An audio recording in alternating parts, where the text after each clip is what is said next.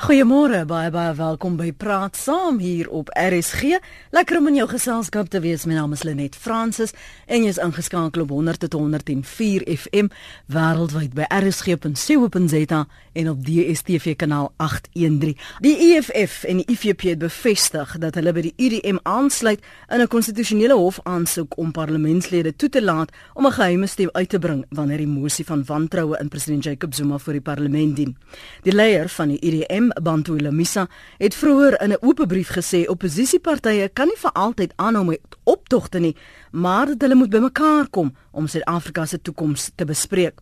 So vanmôre vra ons, wat beteken dan 'n verenigde oppositie vir die politieke landskap van Suid-Afrika en hoe volhoubaar is dit in die langtermyn? Ons gaste vanoggend is die politieke ontleder professor Andre Dievenage en Mbazima Sam Shilowa, hy's 'n politikus en voorheen 'n uh, vir 'n lid van die ANC as ook Cope. Good morning Sam, môre ook aan jou Andre. Môre Lenet, môre Sam. Uh, good morning. Sam, let's start with you. You've been a member of COPE and also the ANC. Give us a sense of how the ANC views opposition parties.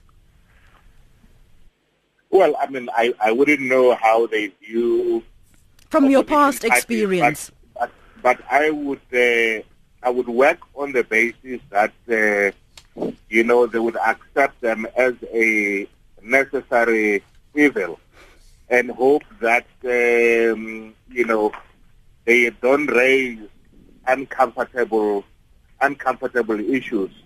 Unfortunately, uh, because uh, politics is about uh, contesting for space, it does mean that uh, in the run-up to an election, each political party has to clearly state where it stands how it distinguishes itself from the other, mm. and therefore friction, whether on policy or otherwise, is also uh, inevitable.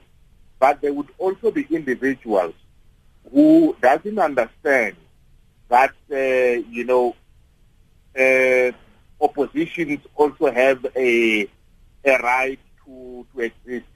Hence, you will hear points of them being called enemies of transformation and or the kind of thing that we saw yesterday in Midrand where meetings of the Johannesburg City Council mm. were being disrupted by people apparently uh, called the ANC councillors or so. If you had to look at the political landscape and you, you spoke about it's very clear that a lot of these opposition parties wants to distinguish themselves from each other. What are then the commonalities if Banto Lemisa says that we can't forever as opposition parties continue having protest marches? What binds them? What are the commonalities that they could unify on? Well, I think that uh, not just opposition parties, I think as a country, we can all be united around, firstly, the need to ensure that uh, our democracy thrives, but doesn't just thrive for the well-off or for the better-off. It thrives for the ordinary men and women in the street.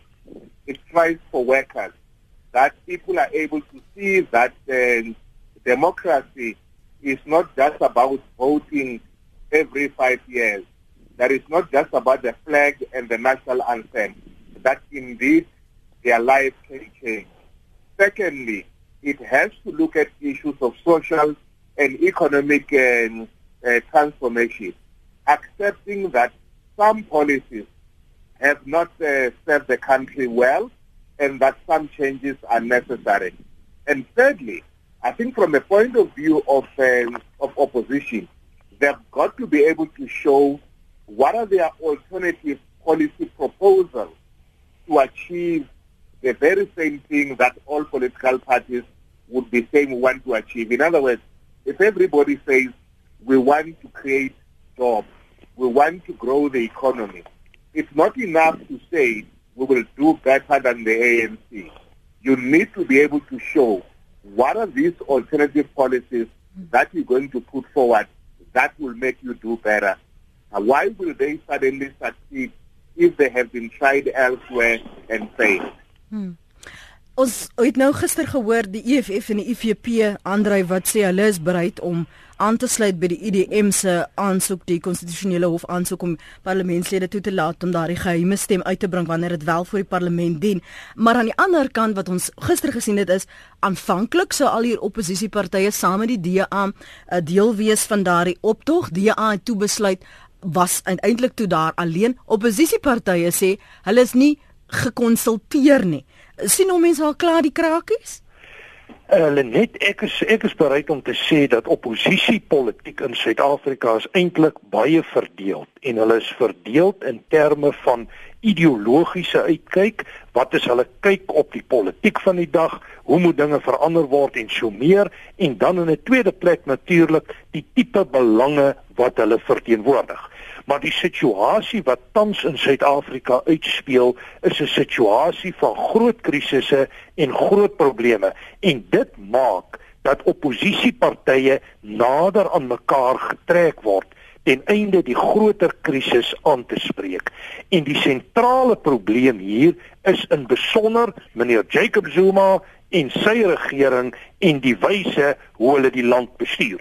Maar dis baie duidelik dat onder oppositiepartye daar saamgestaan word rondom sekere kwessies, maar dat daar ten opsigte van 'n groot reeks politieke kwessies wat verband hou met ideologie, maar natuurlik ook verband hou met die belange wat hulle verteenwoordig, groot verskille bestaan. Natuurlik moet ons sê dat die ANC hier by die draai van die eeu bykans 70% van die steun gehad het in die land, maar dit dit sedertdien baie drasties verander het. Mens dink byvoorbeeld uh, aan die laaste plaaslike verkiesing waar die ANC slegs 53,9%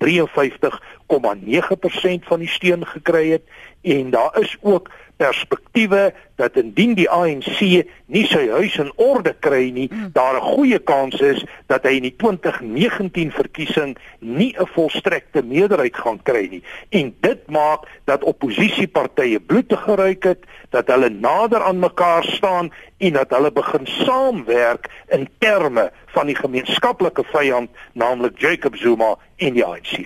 As ons so terugkyk na ons geskiedenis die afgelope 20 plus jaar uh, van dit ons uh, in 'n demokrasie is Andre was daar al 'n tydstip waar oppositiepartye saamgewerk het en nie noodgedwonge saamgewerk het omdat hulle in 'n ko koalisie was nie?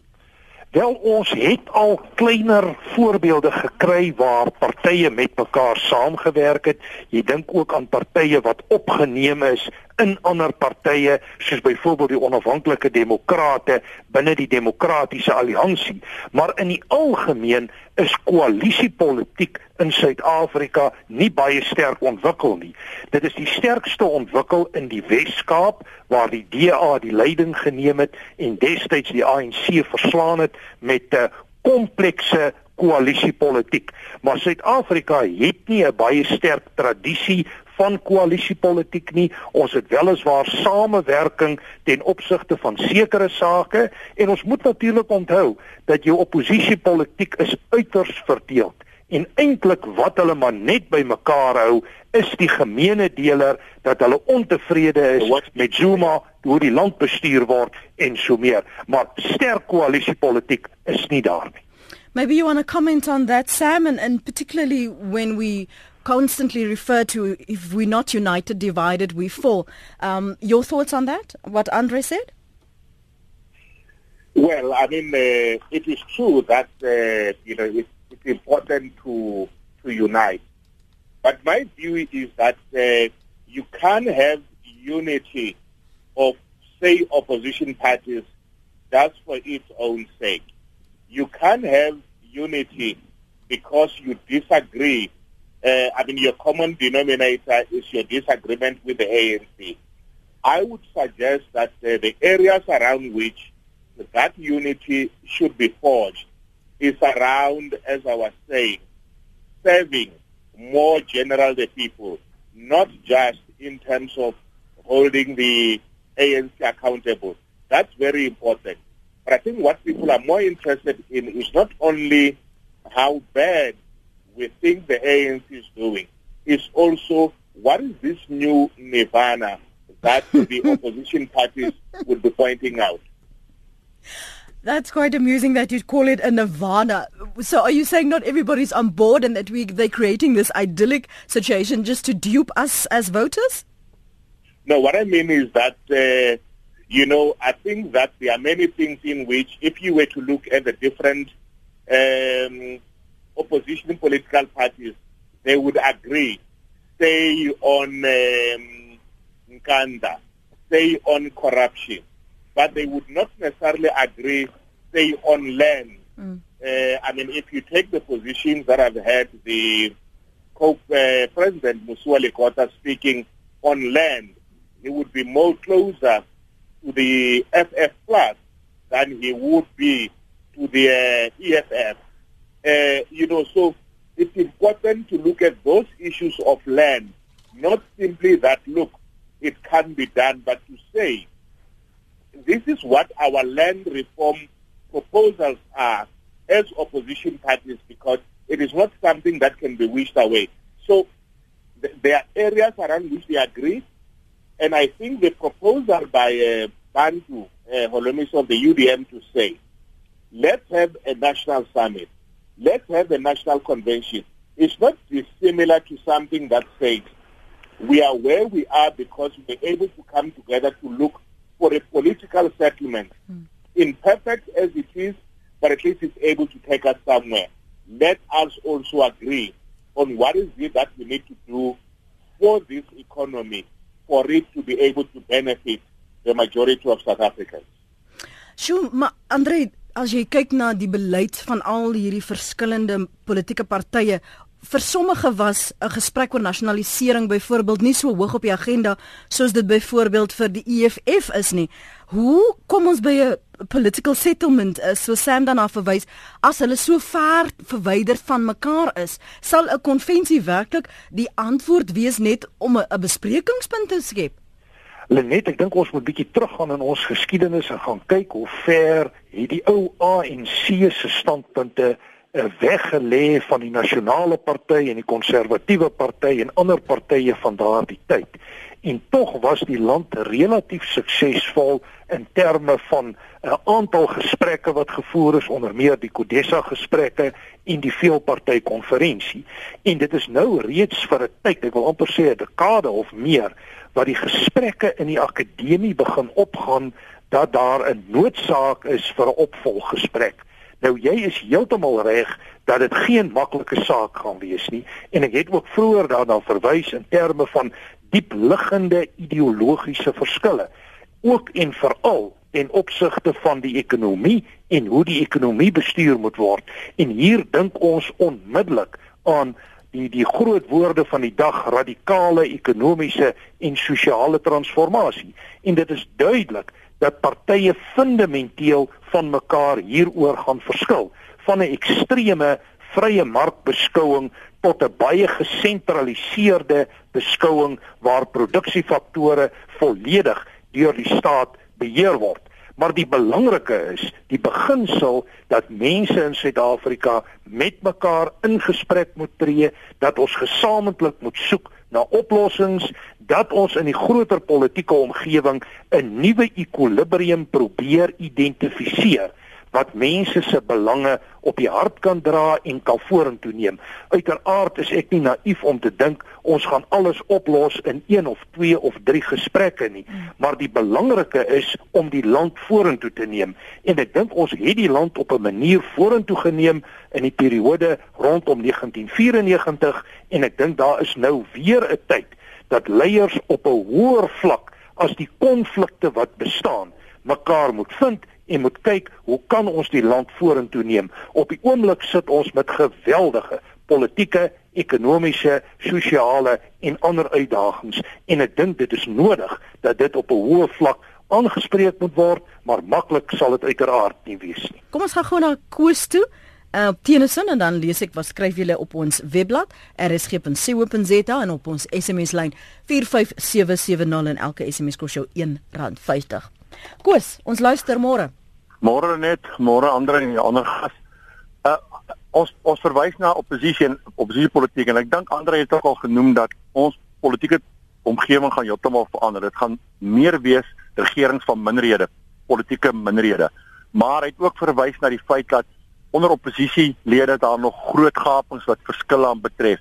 En 'n mens sal eerste plek vra, is daar nie 'n moontlikheid dat 'n mens dat die, die oppositiepartye eers bymekaar kom en 'n tipe van 'n strategie uitwerk vir vorentoe nie. Vir my op die oomblik het my bietjie pla van ons huidige hele situasie is als is net oor Zuma. Zuma must go. Daar da is nie vir my regtig beleidsstandpunte wat sê dit is die redes en dit is die redes hoekom moet hy gaan nie. Mm. Wat is wat en wat bring ons terug in die plek daarvan nie. Hoe sien ons die die politieke omgewing oor 4 of 5 of 6 jaar vorentoe?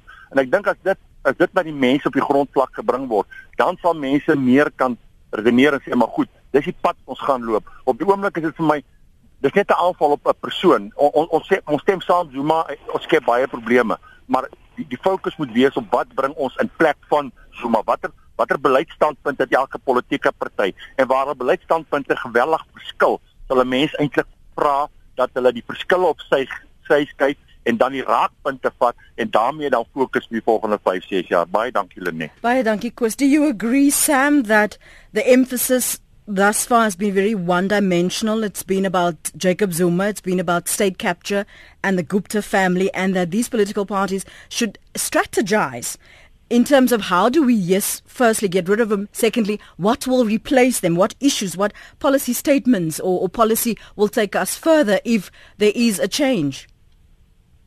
Well, I mean, let's start by saying that uh, the world over, uh, people will always focus on the the leader.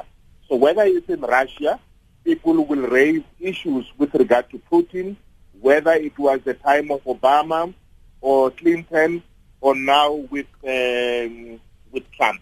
So so there is nothing magical about the fact that because the buck stops with the with the president in South Africa, it is him that they are going to raise issue. And secondly, because he has been scandal prone, um, they are right to be able to focus on that. But I agree that uh, that is just one issue.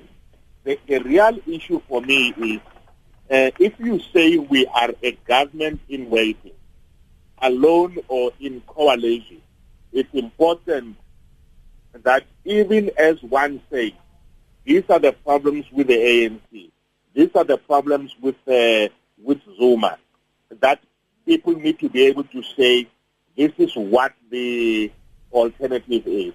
Bearing in mind also that there is a saying that always say, "Be careful what you wish for." Mm. So, ek wil gou vir jou verander, miskien wil jy daarop reageer want hier is 'n 'n ander vraag wat wat aansluit daarbey as ek net gou net na ons webblad hierso kyk wat een van ons luisteraars hier skryf, Suid-Afrika berei voor vir 'n nuwe regering in Suid-Afrika. Veelparty koalisie regering is een van die scenario's wat hom uitspeel. Dis die einde van dominante eenparty staat. Suid-Afrika is op die vooraan van dramatiese en positiewe politieke ontwikkeling.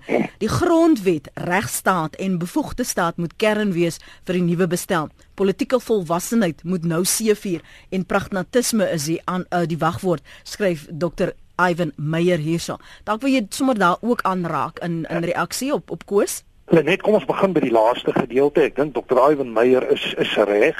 Ons het 'n belangrike grondbeginsels gevestig in die periode na 94, die groot regstaatsraamwerk en vir die eerste lang tyd eintlik tot en met die huidige situasie sit ons steeds met 'n dominante partytelsel in die ANC maar ons het gesien dat dit drasties begin verander het veral in plaaslike regering uiteraard ook nou in die Wes-Kaap. En ek dink op 'n manier is dit 'n belangrike en 'n positiewe ontwikkeling en 'n mens kan dit lees dat die demokrasie in Suid-Afrika besig is om te konsolideer maar daarmee saam wil ek onmiddellik ook sê kom daar 'n klomp risiko's in die spel. Die moment as jy werk met mense, partye, groepe wat mag verloor, dan tree hulle heel dikwels baie destruktief op. En wat ons gister in Gauteng gesien het met die ontwrigting van uh, die stadsraad daar, is dit duidelik dat alle partye nog nie ingebind is tot demokratiese waardes en norme nie en dat in daardie sin dink ek lê hier geweldige groot werk voor. As ek vinnig na Koos se argument kan teruggaan, ek dink Koos is heeltemal reg. Ons fokus is baie eksklusief op meneer Jacob Zuma op die oomblik.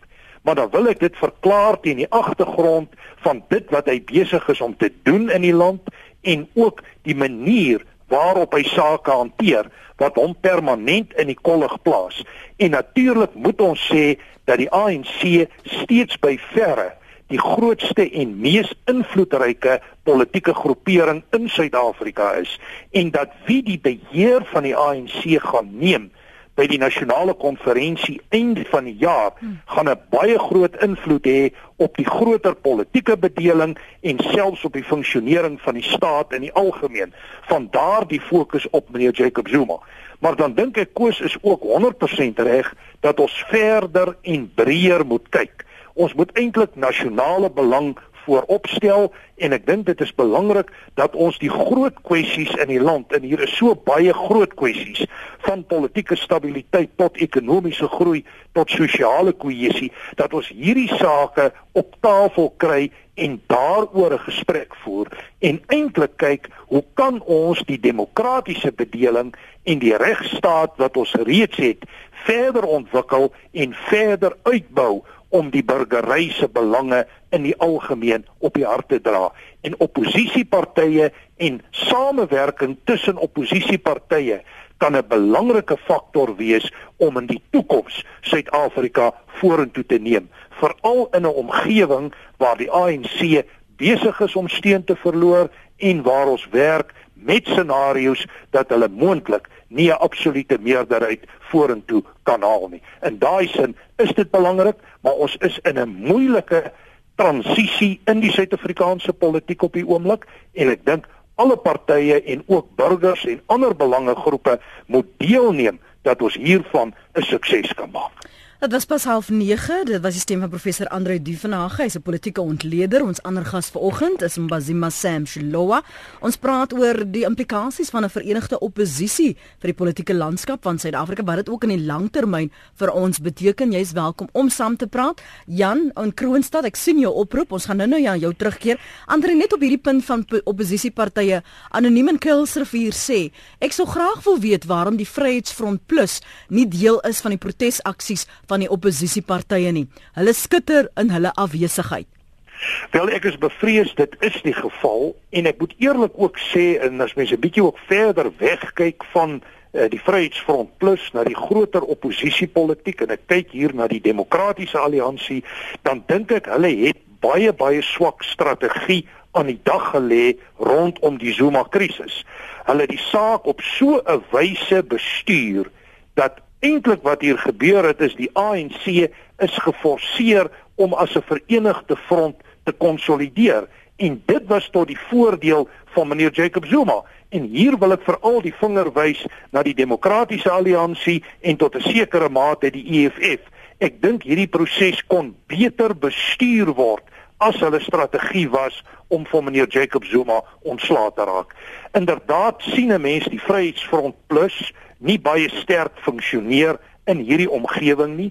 My kyk daarop is dat dit belangrik is dat hulle deel word van die proses, maar my kyk ook is dat hulle waarskynlik nie saamstem met die strategie wat gevolg word nie. En ek weet hulle het redelike voorbehoude oor die mosie van wantroue. Nou ons weet die mosie van wantroue is al reeds 7 keer weggewys en hulle reken die kans dat dit suksesvol kan wees gaan nie baie goed wees nie.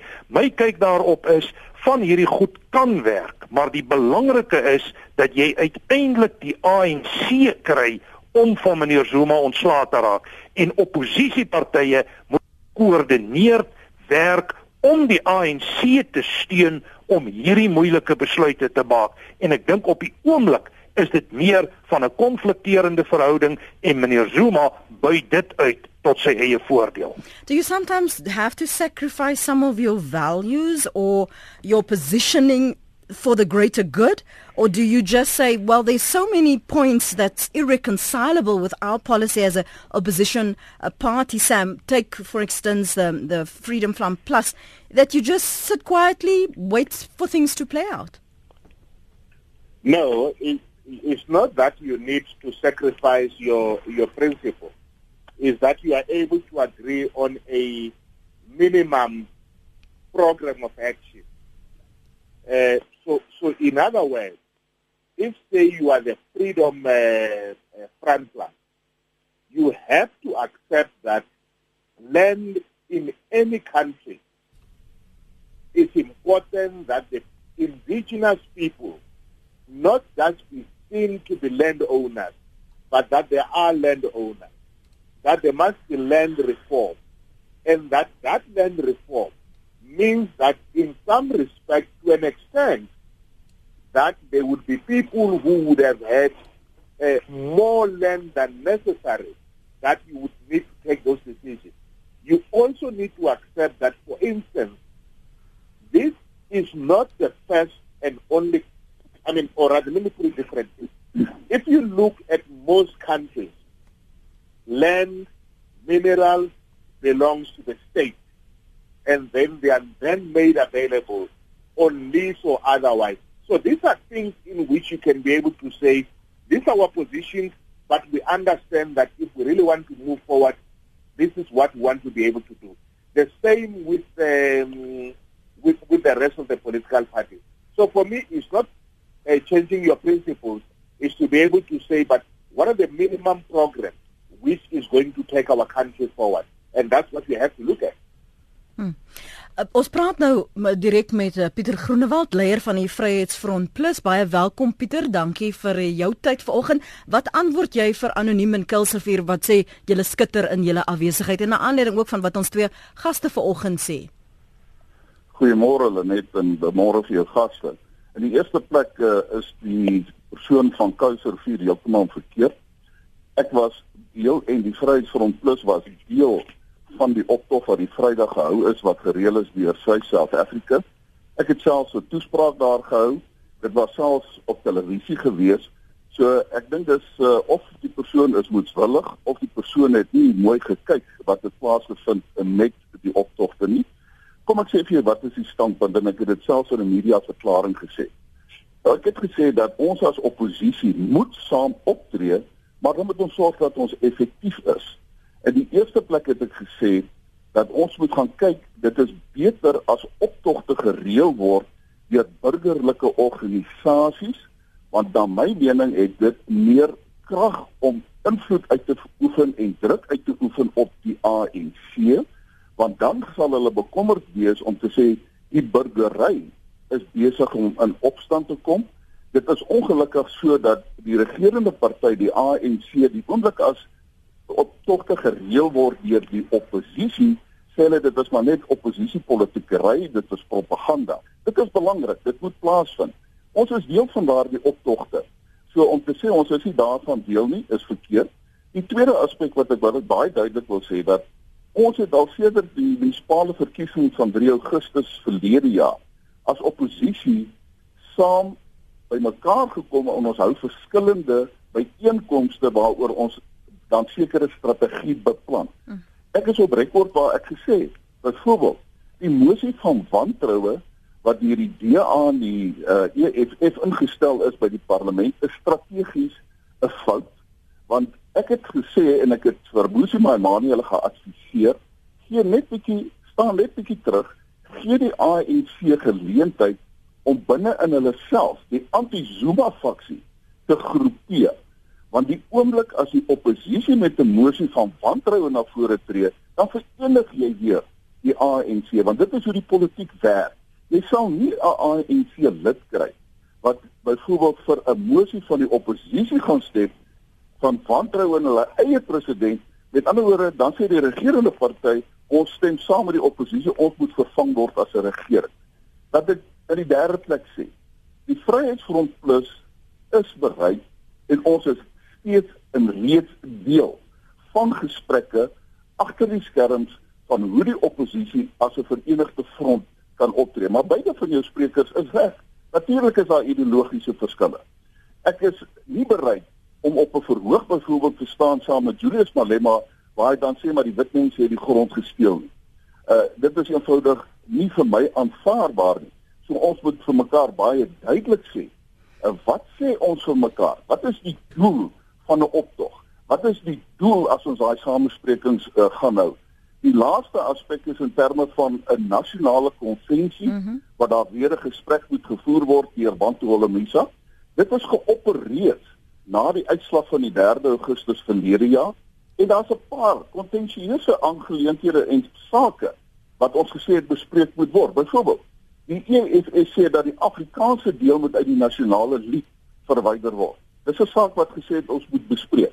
Die grondkwessie is 'n saak wat bespreek moet word en ons ken nie uiteenlopende sake daarvan. Uh daar is byvoorbeeld uh, sekere aspekte in terme van die kiesstelsel uh wat bespreek moet word. Ek is op rekord waar ek byvoorbeeld by die optog in Pretoria gesê het dat ek dink ons moet die kiesstelsel waar ons die president van die land moet uh, kies moet verander. Dit moet 'n meer federale stelsel word waar die mense die president kies en nie die regerende party nie. Daardie sê ek nie die kiesstelsel vir die samestelling vir die nasionale vergadering of die provinsiale wetgewers moet verander nie.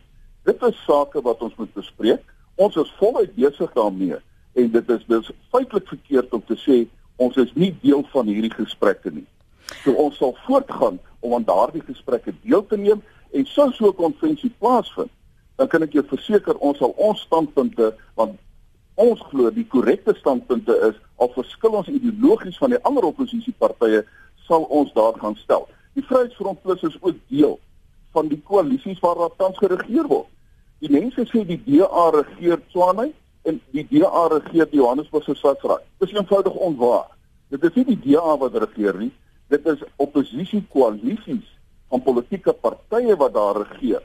En ek dink dit het ook tyd geword dat ons mense vir mekaar moet sê dat ons moet erkenning gee vir al die oppositiepartye wat 'n koalisie vorm en nie net die leidende een wat in daardie spesifieke stadsraad plaasvind. So met met met die aanloop tot nie net die 2019 verkiesing nie, maar wat tans in ons land gebeur die milieu Pieter, waarmee sou jy mm, gemaklik wees in terme van die strategie wat tans gevolg word. Ek weet jy het net verwys dat jy is gemakliker met die feit dat dit van burgerlike organisasies is wat dit dryf. Uh, sekerlik hierdie oppositiepartye gee groter stem en 'n ondersteuning daaraan, maar waarmee sou Vryheidsfront Plus gemaklik wees om met 'n tipe strategie gemaklik wees vir die pad vorentoe? Ons moet dit onthou as ons praat vir die 2019 verkiesing dan is dit natuurlik 'n strategie wat spesifiek gerig is op politieke partye wat hulle maksimum steun wil kry wat dan in die parlement verteenwoordig kan word. Dis 'n ander tipe strategie as om byvoorbeeld nou te sê dat ons hierso druk op die ANC wil plaas om van Zuma ontslae te raak.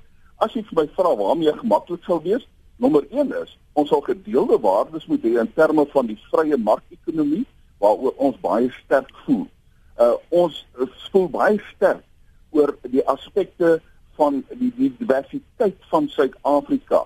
Byvoorbeeld aspekte van die respek en die erkenning van byvoorbeeld taal.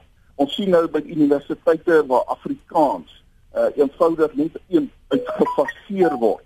Daardie aspekte wat deel van die grondwet is uit die aard van die saak sal vir die Vryheidsfront Plus van 'n uh, kardinale belang wees en deel van die strategie om te sê ons kan saamstem om te sê dat ons die ANC onder 50% moet kry en dan 'n koalisie te vorm. Maar dan sal byvoorbeeld daardie aspekte sal dan baie sterk aangespreek moet word. Byvoorbeeld soos die verandering van die kiesstelsel wat ek sopas genoem het van die verkiesing van die president. Want ons sê dit is dan beter vir die kiesers om te besluit wie is die president as wat die regerende party dit doen. So ons sal mekaar kan vind rondom daardie strategie, maar dan moet jy ook onthou, ons is verskillende oppositiepartye. As ons met alles saamgestem het, dan sou daar net een enkele oppositieparty in Suid-Afrika gewees het. Dit is juis omdat ons as politieke partye verskil dat ons verskillende politieke partye is en daarom sal ons uit die aard van die saak sal daar ander verskille wees. So in daardie opsig as jy praat van 'n strategie van politieke partye, dan sê ek sal ons daar hierdie aspekte kyk Goed. en natuurlik sê ek nou reeds as die ANC onder 50% is, sal ons koalisies vorm om te sorg dat die beste belange van die kiesers uh gevoer word en oorwin in terme van wie die regering van die Pieter, dag is. Baie dankie vir jou tyd vanoggend Pieter Groenewald, eh, die leier van die Vryheidsfront Plus. Ek gaan nou-nou 'n Sam en uh, Andre vir julle geleentheid gee om julle gedagtes te deel na aanleiding van wat Andre ges, uh, wat uh, Pieter Groenewald gesê het, maar Jan, baie dankie vir jou geduld Jan, ek waardeer dit môre. Môre, hulle net gaan dit goed. Dankie ja en jy?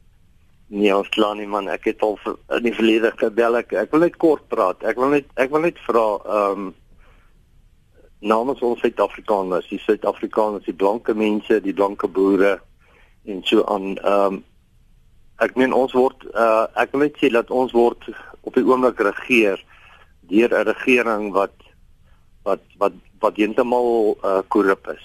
Wat wat ek kan nie sien dat ek, ek kan nie ek, ek, ek, ek wil net vra al hierdie hoë howe en al daai goede die uh uh regstelsels en al daai goede hoekom word daar nie toegeslaan op hierdie huidige regering met hulle korrupsie met hulle met met met alles wat hulle aanpak? Daar ek meen nou word mense in poste aangestel wat nie kwalifikasies het nie. Dit is al in die verlede bewys. Dit is alles en dan word daar goue handdrukke gegee vir mense wat soos daai een uh uh nou nou die dag van miljoene rande van van uh wat wat wat wat net laat la, gaan is. 'n goue handdruk gegee en gesê hy moet gaan en hy het miljoene rande daarvoor gekry. Dis ons geld. Dis ons ons geld wat ons elke maand in elke maand van ons afgetrek word van ons salarisse afgetrek word al daai goede. Ek meen is daar nie iemand wat wat iets kan doen om hierdie korrupsie stop te sit nie om hierdie regering wat wat tans in bewind is wat wat maak en breek so ver as wat hulle gaan. Hulle kan stop nie. Goed. Met ander woorde laat laat laat laat laat en en en laat laat laat ons laat ons terugkom op 'n vlak waar ons waar ons waar ons die heidaglik as 'n Suid-Afrikaan Suid-Afrika kan bekend staan. Op die oomblik staan ons nie uh, bekend as Suid-Afrika nie, want ons is maar net 'n tweede Rhodesia, dis al. Ons is vervolg sterk in hulle voetspore en dis waar ons van eindig. En dan wil ek vra, hierdie uh uh partye waarvoor ons so stem, die DA, die Vryheidsfront, daai partye, hoekom kan hulle hulle hulle hulle dieselfde omtrent dieselfde uh uh uh, uh waardes Hoekom kan hulle nie hoekom kan ons nie een party vorm en ons Suid-Afrikaners kan kan aan daai party aansluit en voel right.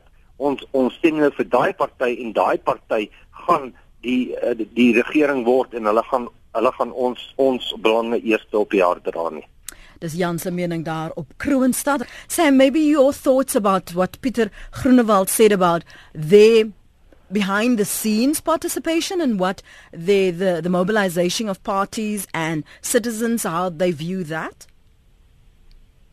Well, I mean, uh, I'm aware that uh, you know parties in uh, parliament even as they disagree uh, publicly, uh, even if you take the opposition, that on many other issues they would meet and they would be able to agree. Secondly, that um, issues of uh, public mobilization, that's also very, very important.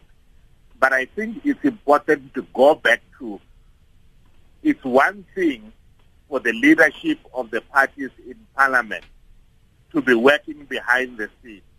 It's another to be able to say, how do you convince those who vote these different parties that these political parties are working together for their best interest and that they are not just um, uh, self uh, self uh, self-serving mm. as themselves, you know. Secondly, that is it not simply because, or let me put differently, you can also see that, I mean, if you look at what has been happening in uh, in Swami, in Johannesburg, and Nelson Mandela, that there will be areas of tension, but there will also be areas in which you can be able to move forward on areas of governance. And I think depending on what they do, they may be able to show that we can translate what is happening behind the scenes with what we're also able to do when we are governing in cooperation mm. or in a coalition. Daardie samewerking wat wat uh, Sam van praat dat jy eintlik vir burgers en vir um kiesers sê ons kan nie net koalisies maak werk nie ons kan selfs 'n strategie soos 'n verenigde front skep sodat ons die regering van die dag kan aanpas. Uh, jou kommentaar daarop en en miskien ook met die oog op die 2019 verkiesings gaan ons meer sien dat hierdie oppositiepartye hulle self um posisioneer om as 'n verenigde front te staan en nie net hierdie identiteite as DA staan vir dit EFF staan vir dit UDM staan vir dat nie, uh, Andre? Lenet, ja, ek verwag dat daar groter samewerking gaan kom, maar dat dit nie noodwendig die identiteite, die waardes, die norme van die onderskeie partye gaan ophef nie. Ek verwag dat hulle met mekaar gaan saamwerk rondom bepaalde kwessies en daardie kwessies sal geïdentifiseer word in die gesprekke waarna Dr Groenewald verwys het. Maar ek moet dit weer beklemtoon dat die aard van die verskille tussen die partye, hulle onderskeie tradisies, dit wat hulle wil bereik en miskien een voorbeeld in die verband meneer Shalowa en uh, ons weet ANC EFF verwys baie sterk na die grondkwessie. Ons weet van die standpunte ten opsigte van die nasionalisering van grond en ook ander produksiefaktore en hy het ons ook Dr Groenewald gehoor wat sê nee, uh, hy dink baie sterker in terme van byvoorbeeld die privaat besit van produksiefaktore. Hier is groot kwessies hier wat opgelos en gehanteer moet word, maar ek dink dit is die groeiproses waarin ons is. En ek dink dis duidelik dat oppositiepolitiek op pad na 2019 'n baie belangrike rol kan en gaan speel en hoe meer hulle verenig kan wees, hoe sterker kan hulle die druk plaas op 'n reeds baie kwesbare ANC. Net miskien 'n paar kommentare oor dit wat Dr. Groenewald gesê het. Ek kan ek kan saamstem met wat hy noem sake rondom gedeelde waardes, gesprek, koalisiepolitiek, gesamentlike strategie, die hantering van kontensieuse kwessies wat onder meer verband hou met die kiesstelsel en so meer. Maar ek dink die probleem wat die ander luisteraar aangedui het is dat die strategiese profiel van die Vryheidsfront Plus was nie baie sterk die afgelope tyd in terme van die mobilisasie van oppositie steun nie. Kan ek op my punt vra? Ekskuus, bring ons by 'n ander kwessie, naamlik is die Vryheidsfront uh, Plus 'n nisparty of is hy 'n party wat in die groter nasionale belang wil funksioneer en sy steunbasisse ontsluit op 'n groter nasionale belang? Want om 'n impak te maak op hierdie politieke prosesse wat hier hardloop benodig jy 'n groter steunbasis as 'n 0,8% of 'n 9% wat hulle bereik het in die vorige twee verkiesings. En ek dink dit is die groot hmm. uitdaging vir die Vryheidsfront plus indien hulle die politieke spel wil speel in terme van die gesaghebbende toewysing van waardes vinnig, en skaarsmiddels. Ek het 30 sekondes vir jou wat ek vinnig dan wil vra op daardie punt want ek wil nie die fokuspunt moet net die die Vryheidsfront plus wees enige party of enige organisasie vir of teen uh, Jacob Zuma of die kwessies wat ons vanmôre aangeraak het kan enige van hulle bekostig om in hierdie tydperk stil te bly Nee, hulle net, hulle kan nie bekostig om stil te bly nie. Dit is 'n tyd waar jy steun moet organiseer en mobiliseer, waar jy belange moet artikuleer, waar jy met antwoorde moet kom. En die antwoorde moet groter wees as net 'n kritiek op Jacob Zuma en op 'n korrupte staat. Ons moet kom met antwoorde wat die staat en die samelewing op 'n nasionale vlak kan vorentoe neem en dit is die uitdaging vir oppositiepartye. Baie dankie aan professor Andre Dievenage, politieke ontleder en Mbazima Sham Shlowa vir julle tyd vanoggend hier op Praat Saam. Waardeer dit baie.